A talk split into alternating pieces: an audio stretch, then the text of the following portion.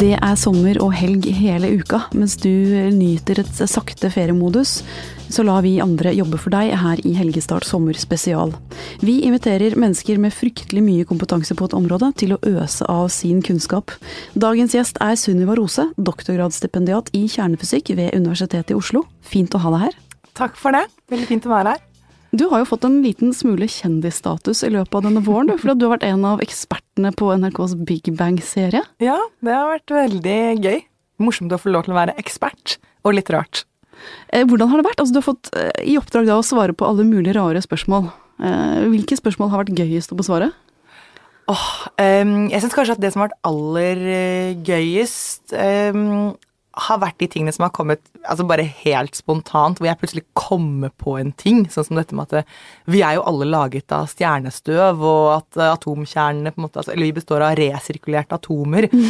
hvor da Nå husker jeg ikke om dette kom med eller det ble klippet bort, men uh, hvor uh, Kåre Magnus vel sa at ja, da ønsker jeg at han skulle bli rumpa til Eldar Vågan. Uh, men det var jo også snakk om å, er jeg kanskje litt en litt metallkanne? Hva med Marilyn Monroe? Ja, du kan ha atomer fra alle disse tingene.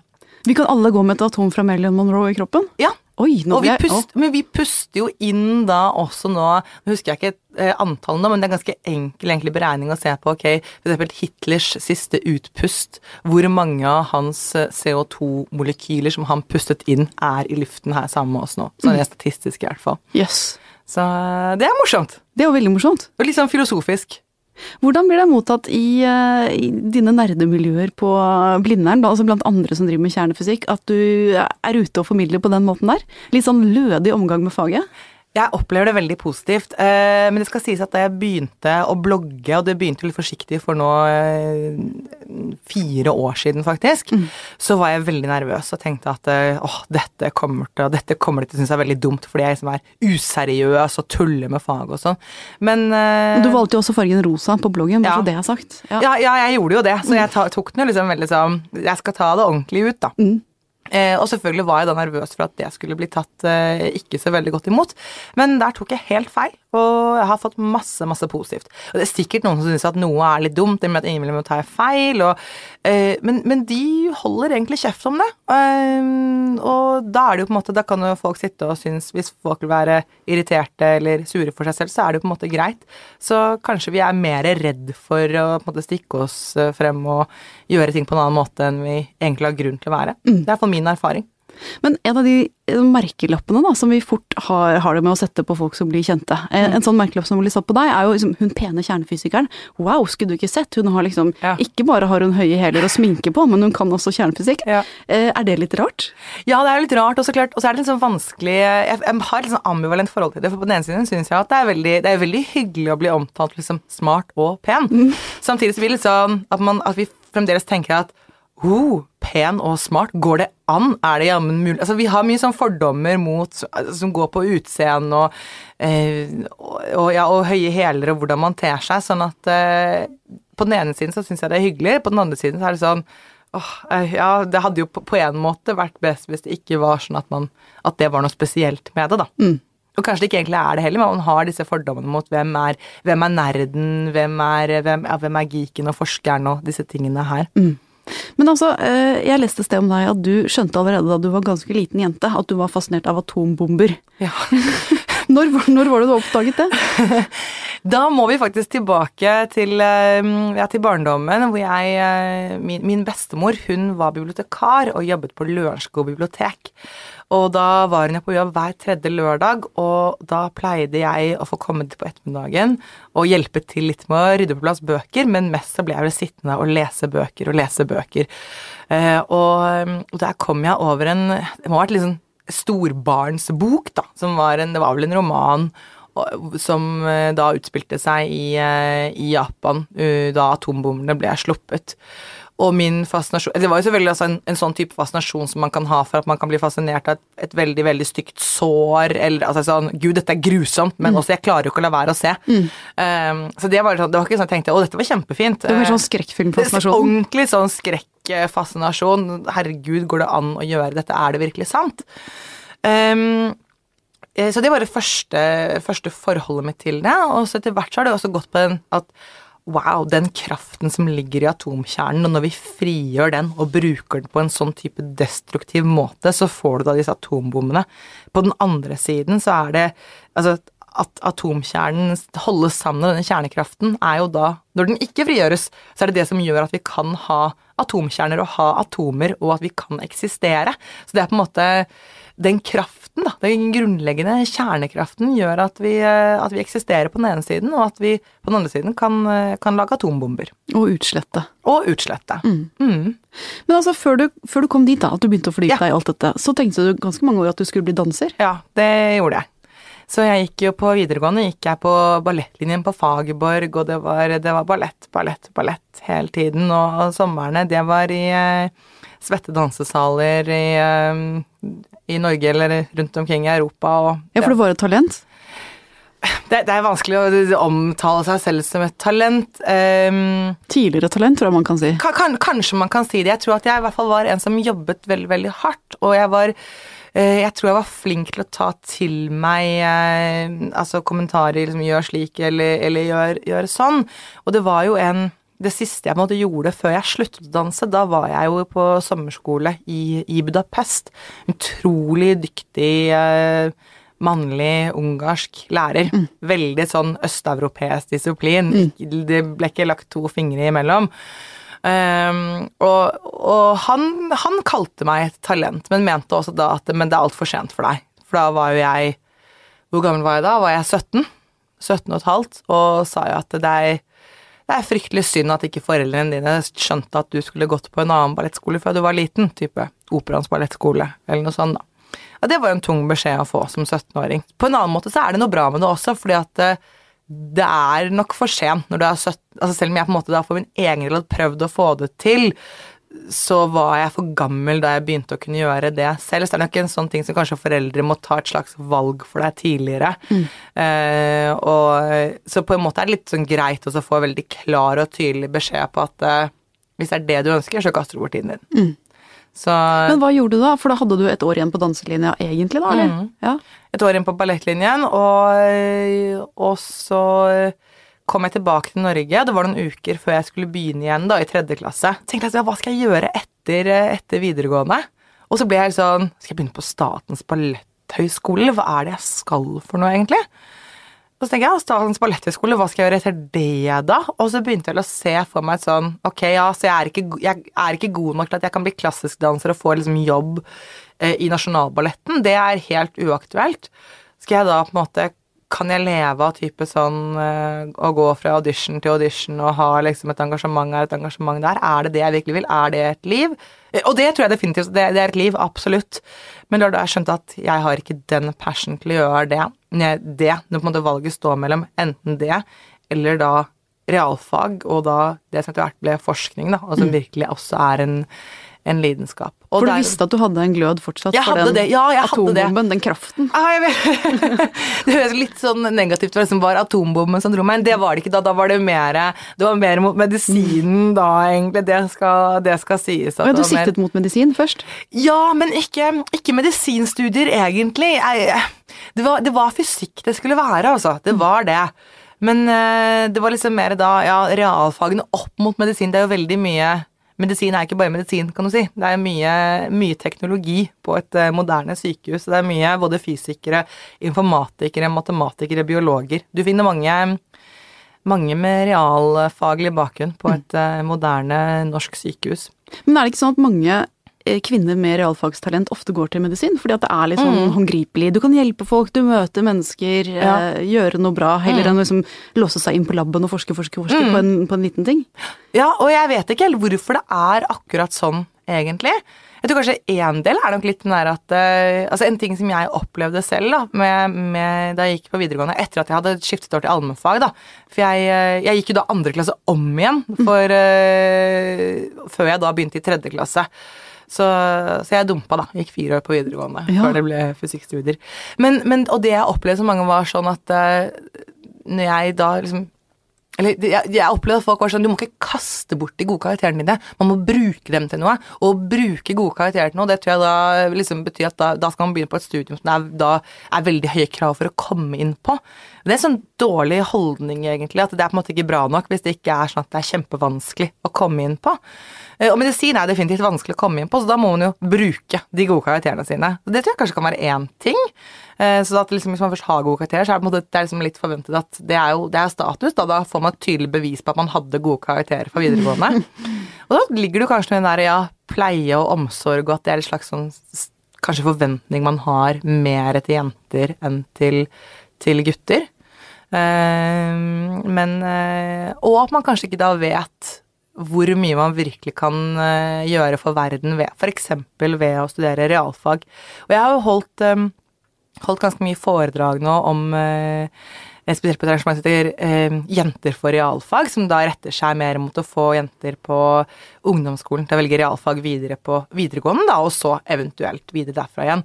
Og da snakker jeg jo om sånne enkle ting som at eh, hvis man skal tenke Både sykehus, som jeg har nevnt, da, hver gang du tar et røntgenbilde, så er jo det Det er jo ikke medisin, det er jo faktisk kjernefysikk i praksis. Eller hvis du får stråleterapi, så er det igjen kjernefysikk i praksis. Eh, et eksempel er selvfølgelig mitt nærmeste fagfelt. Da. Eh, eller hvis du ønsker å gjøre noe type i mer eh, u-landssammenheng, da. Om det da er en fattig landsby et eller annet sted der i det fjerne østen, eller hvor det er, og kanskje et sånt type problem som man trenger rent drikkevann da er, ikke, da er det ikke, medisinen man trenger, men man, man trenger rent drikkevann. Det kan være enkle teknologiske, eller ikke så enkle, men det teknologiske løsninger, da. Mm. Og, og, det å få den type veldig sånn håndfaste eksempler, det har jeg sett at veldig mange reagerer veldig positivt på. Jeg får veldig mye positiv tilbakemelding fra disse jentene som sier at jeg har aldri tenkt eller visst at jeg kunne bruke realfag til sånt, og folk sier nå vil jeg studere fysikk å reise ut med ingeniører uten grenser og, og gjøre sånne ting. Da. Så det er ikke at, man ikke, at folk ikke skal velge medisin hvis det er det de virkelig ønsker, men at man skal ha et åpent og informert valg. Mm. Men da du begynte på fysikkstudiet, da mm. du hadde valgt det, så var det ikke så kult som du kanskje hadde håpet? da? Det var en liten nedtur? Ja, det, det var det nok. Det var, det var vanskelig å finne seg eh, selv til rette.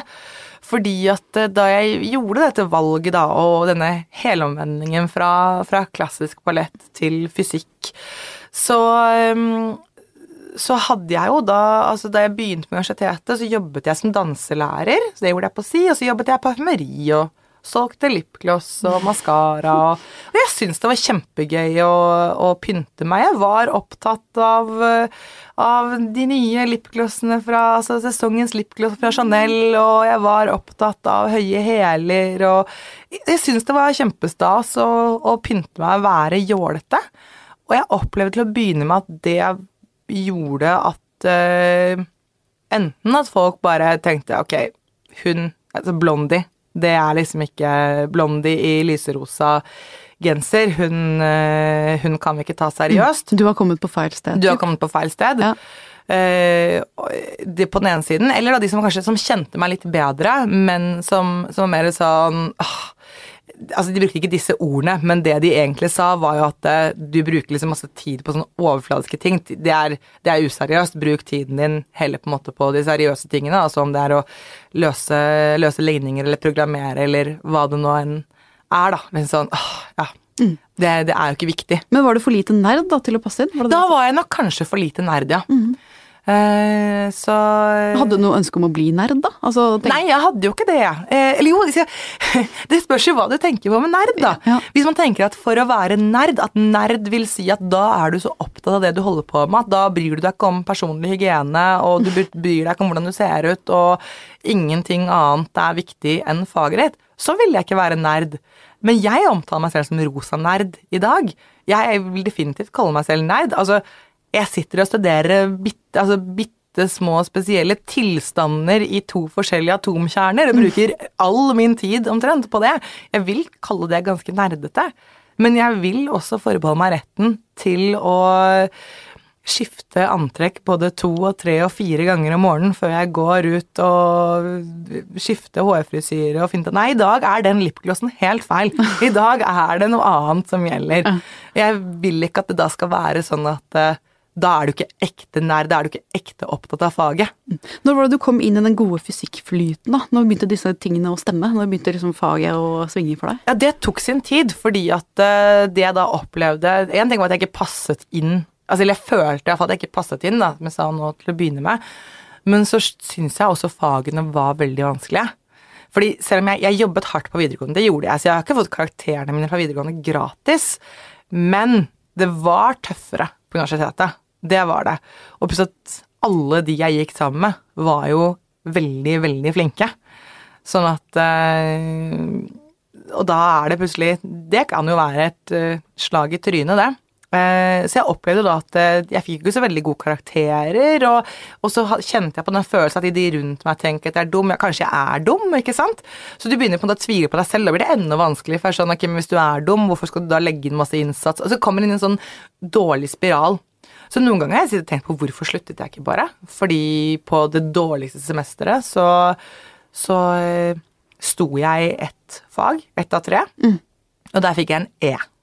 Det er dårligste ståkarakter. Altså det er, det, er, det er, jo basically stryk, bare at det ikke er stryk. Uh, og likevel sluttet jeg ikke. Så da klorte jeg meg fast, og så og så begynte jeg å finne ut jeg må gjøre ting litt på min egen eh, måte. Jeg vil ikke følge helt akkurat det løpet som er lagt opp her, at du skal ta de fagene, de fagene, de fagene. Tenkte hvordan kan jeg få til dette på min egen måte. Og så gjorde jeg litt.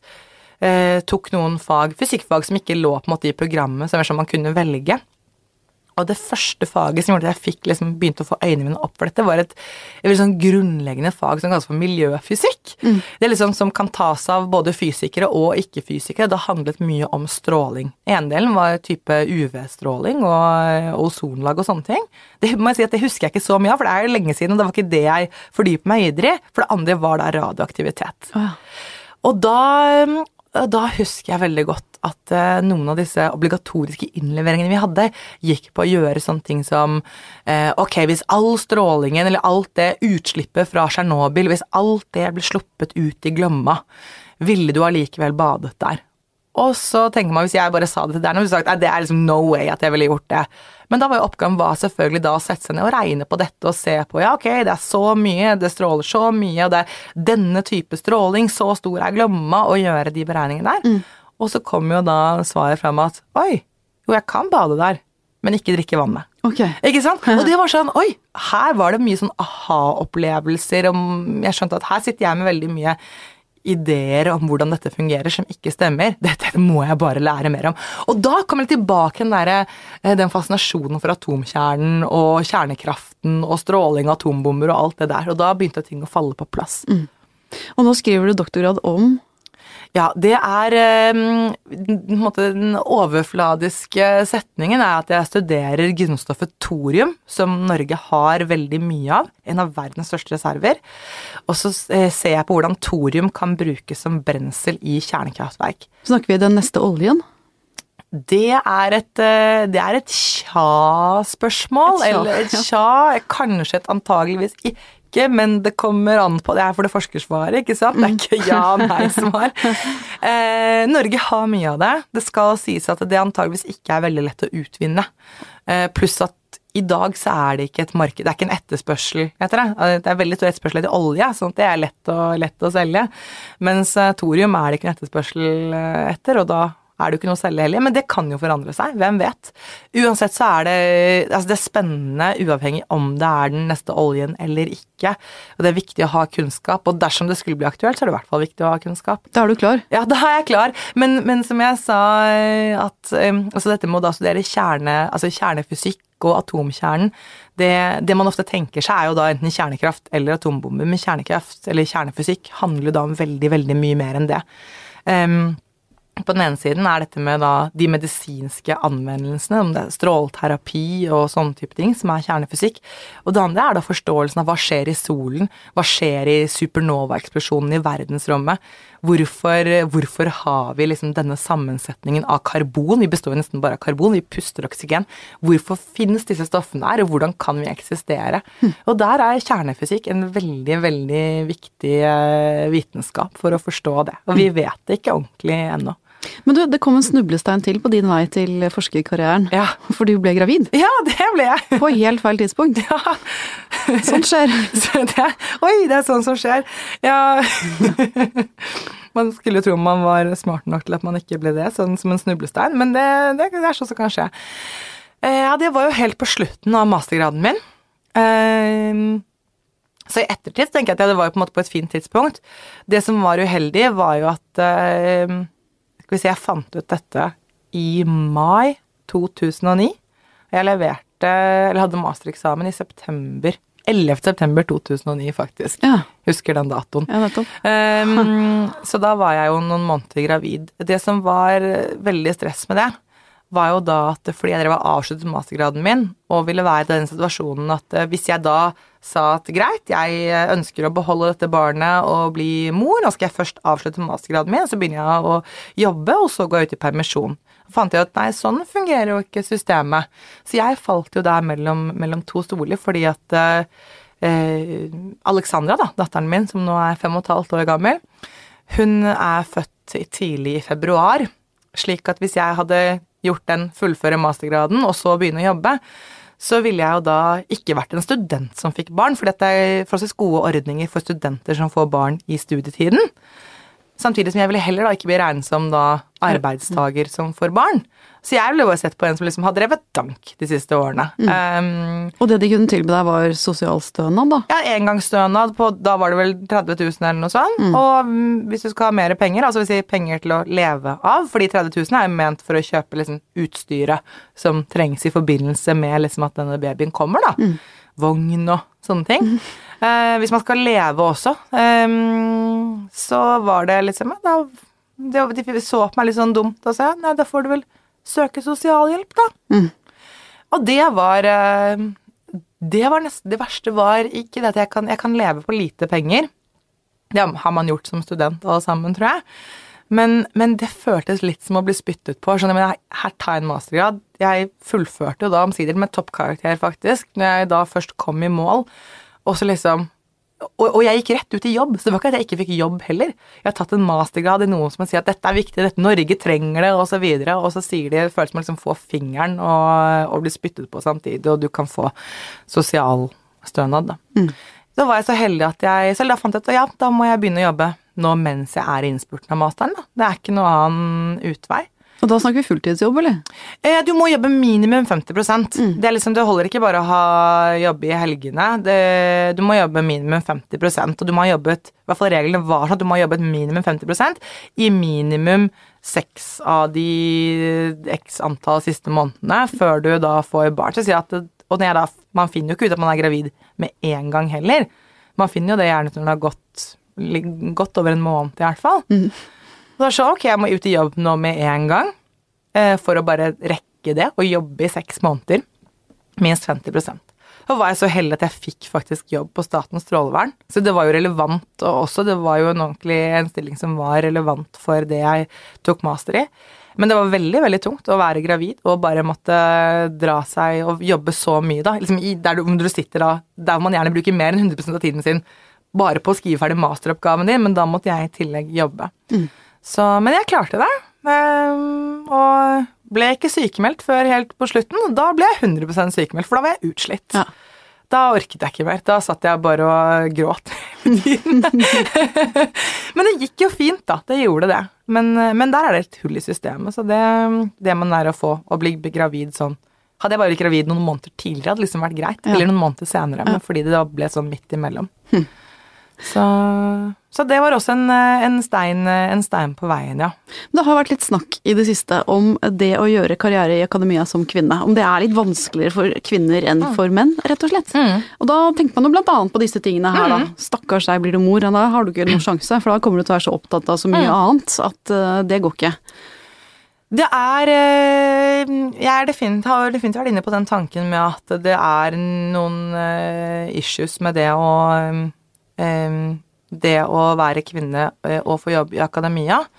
Eh, og ja, det har å gjøre med barn. Eh, litt av greia er jo da det at for å få en, eh, en fast jobb i akademia, så krever det jo en, En ting er at det, det krever en, en, stor innsats i form av mange timer. Det, det, er mange jobber som har det som man jobber mer enn, en 40 timer i uken. Men det er jo også dette at man forventes at etter doktorgraden så skal man jo da reise rundt i verden og ta såkalte postdoc-stillinger, da forskerstillinger på ett eller to år andre steder i verden. Gjerne mm, Og gjerne flere steder i verden. Gjerne liksom ta kan du ikke ta ett år i USA og ett år i Frankrike, det, eller to år? Og det er jo i seg selv kan være kjempespennende.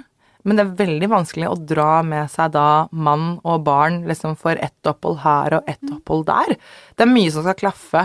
Eh, og, og sånn sett så er det det. Og det er ikke noe vanskeligere noe enklere å få, for menn å gjøre det, men det menn jo kan gjøre, er at de kan bare si at uh, fuck it, jeg venter med barn til jeg liksom er ute i 40-årene og på en måte er ferdig med og doktorgraden, reise rundt i verden og ta de forskjellige stillingene. Så er det jo ingen som løfter et øyenbryn over at en mann får barn første gang som 45 år gammel, hvor han da har fått fast stilling.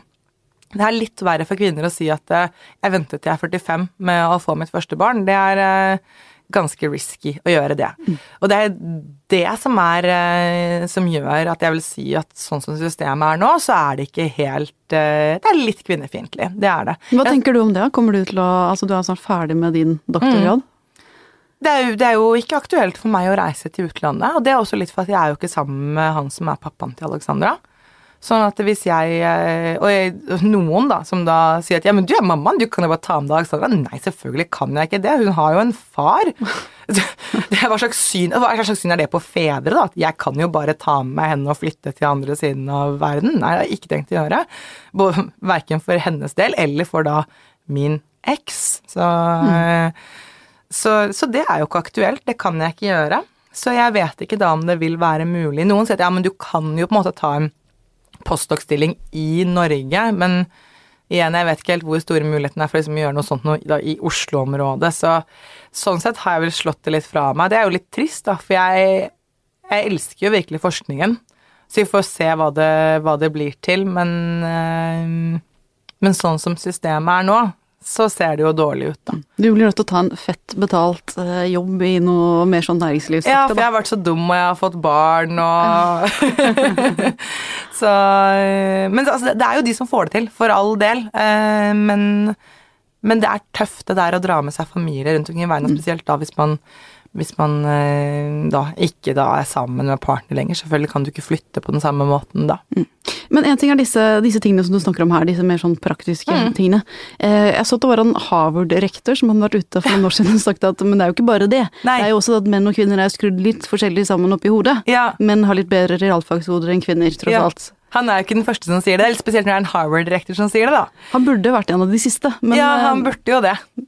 Eh, nå skal det sies at jeg er, eh, jeg er ikke forsker på hjerne, og så jeg skal, jeg skal veldig være også forsiktig med å uttale meg om hva er forskjellen på menn og kvinners hjerne og evner eh, som det. Men eh, jeg er nok ganske sikker på at eh, om det så er at det er forskjeller der i på en måte hva vi er anlagt for eller ikke, så er det én liten faktor av veldig mange. Og jeg tror nok det er mye mer da de tingene som gjør, ligger rundt med våre holdninger til at eh, man bare har opplest og vedtatt at ja, matematikk er jo mer et sånn gutte, guttefag, og, eh, og det er greit hvis du som jente ikke får til matte, fordi at uh, du er jo jente. Og jeg har jo opplevd å få altså få, få, kommentarer som at 'Å, oh, wow, holder på med fysikk og matematikk, og du som er jente, det er jammen bra', av flere. Mm. Uh, og jeg har også opplevd um, jeg har altså, gitt litt privattimer i, i matematikk for jenter på, på, på ungdomsskole videregående, og opplevd da mødre som på en måte Altså, de liksom De unnskylder jentene sine at det, det er greit, for det er jo matte, sånn at det at man ikke får til det, da, da får man det bare ikke til. Man ødelegger sine egne måls. Ja, man gjør jo det da, fordi at du ville jo ikke sagt det hvis det var, liksom, hvis det var noe annet. Sagt, ja, men du må, du må, jo jobbe du skal bli god. Det er jo ingen som tror at Magnus Carlsen ikke har spilt mye sjakk. At han bare våknet opp en dag, og så ble han verdensmester i sjakk. Det er jo ingen som da vil si til hvis du har et barn som spiller sjakk og på en måte vil bli god, sier du at det, Fikk du det? Du tapte nå? Ja, men da Nei, men det går ikke, det, vet du, for det, dette skjønner ikke du. Det er bare, det er bare Magnus Carlsen altså, det, er så, det er så rart at vi ikke klarer å se det at det, skal man bli god til noe, så må man trene, og det gjelder også matematikk. Det er veldig lite sexy å si det, men, men det er på det som må til, da. Eh, så her har du en liten flammekaster ut til foreldre der ute. Ja. Get det, a grip. Man må, man må trene, da. Mm. Og jeg tror de sier om det er som at det er fotball, så man må jo trene. Skal du skal bli god, så må du må trene, vet du. Mm. På, men, eh, men, men, så jeg tenkte på når du snakker om jenter og, og dette med realfag, så det, tror jeg også det er kanskje noe at det, mange jenter da ikke at man har kanskje ikke forbilder. Da. Det gjelder forstått både menn, jenter og gutter. For det er litt sånn i om det er sjakk eller om det er fotball eller hva det er, der, der har du jo, jo stjernene, du har forbildene. Men det, og det jeg får se litt nå, sånn som man kan få til gjennom sosiale medier og sånn, er at jeg vet ikke hvor mange det er, men jeg ser i større og større grad jenter som liksom legger ut bilder av seg selv liksom, som er stolte. 'Her er jeg på laben, jeg er en rosa nerd.' Jenter som åpenbart er veldig Altså, de er feminine, men de er stolte av at 'yes, jeg sitter og leser til eksamen, og dette blir bra', og 'jeg har rosa understrekningstusj', og på en måte mm. gjør de tingene der, da. Og det er i hvert fall det er en morsom ting med sosiale medier, å kunne dele sånne ting på den måten. Vi trenger flere rosa nerder, Ja, vi trenger flere rosa nerder. Vi trenger, altså, vi trenger mangfoldet. Det er jo det, er jo det det går på. Vi trenger det ikke at vi ikke trenger um, Nerd kan være et veldig kjipt ord, men la oss kalle det den klassiske nerden, for man skjønner hva jeg mener med det. Det er ikke at vi ikke trenger dem, for det gjør vi. Vi trenger den om det er han eller hun som klarer å sette på seg skylapper og bare fordype seg så enormt langt ned i et eller annet at det fins ikke noe annet.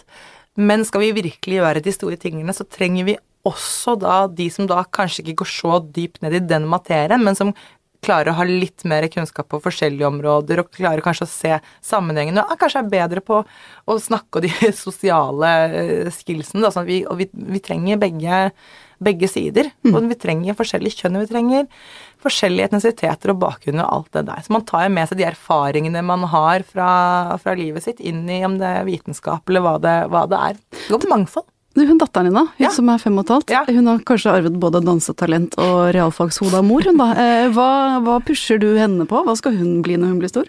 Jeg pusher henne ikke tror jeg. Eh, det Ikke bevisst, i hvert fall. Det skal sies at jeg forteller, snakker mye om fysikk, og atomer, det gjør jeg. Så hennes standardspørsmål om hun spør om et eller annet nå, og så får hun et svar, så spør hun mamma, er det fysikk?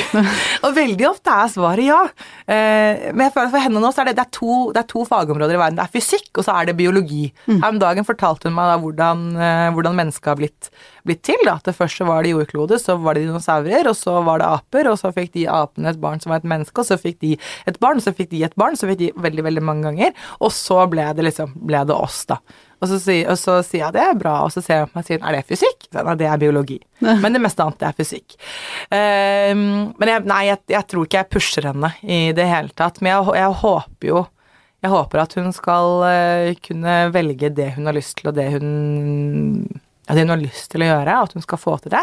Men, men jeg håper at jeg kan lære henne på en måte disiplin og dette at du, skal du bli god i noe, uansett hva det er, så må du jobbe. Så det er nok kanskje noe jeg sier at når hun er sånn 'Å, jeg fikk ikke til', om det var noe enn det er å hinke på en fot, eller om det er å skrive navnet sitt, eller hva det er. At liksom, ja, men da må man prøve en gang til. Hvis man skal bli veldig god til noe, så må man jo så må man trene. Mm. Så det er kanskje det jeg gjør. Det er kanskje det mantraet jeg pusher nå, er at det, hvis man skal bli flink til noen ting, så må man øve. Du er bare nødt til å jobbe for det. Det er det man må, vet du. Mm. Vet du hva, Sunniva Rosa, jeg tror at du har blitt et lite realfagsforbilde for meg, i hvert fall, eh, denne sommerdagen. Tusen takk for at du kom i eh, Helgestart sin sommerspesial. Å, takk, det var veldig, veldig hyggelig. Lykke til. Takk.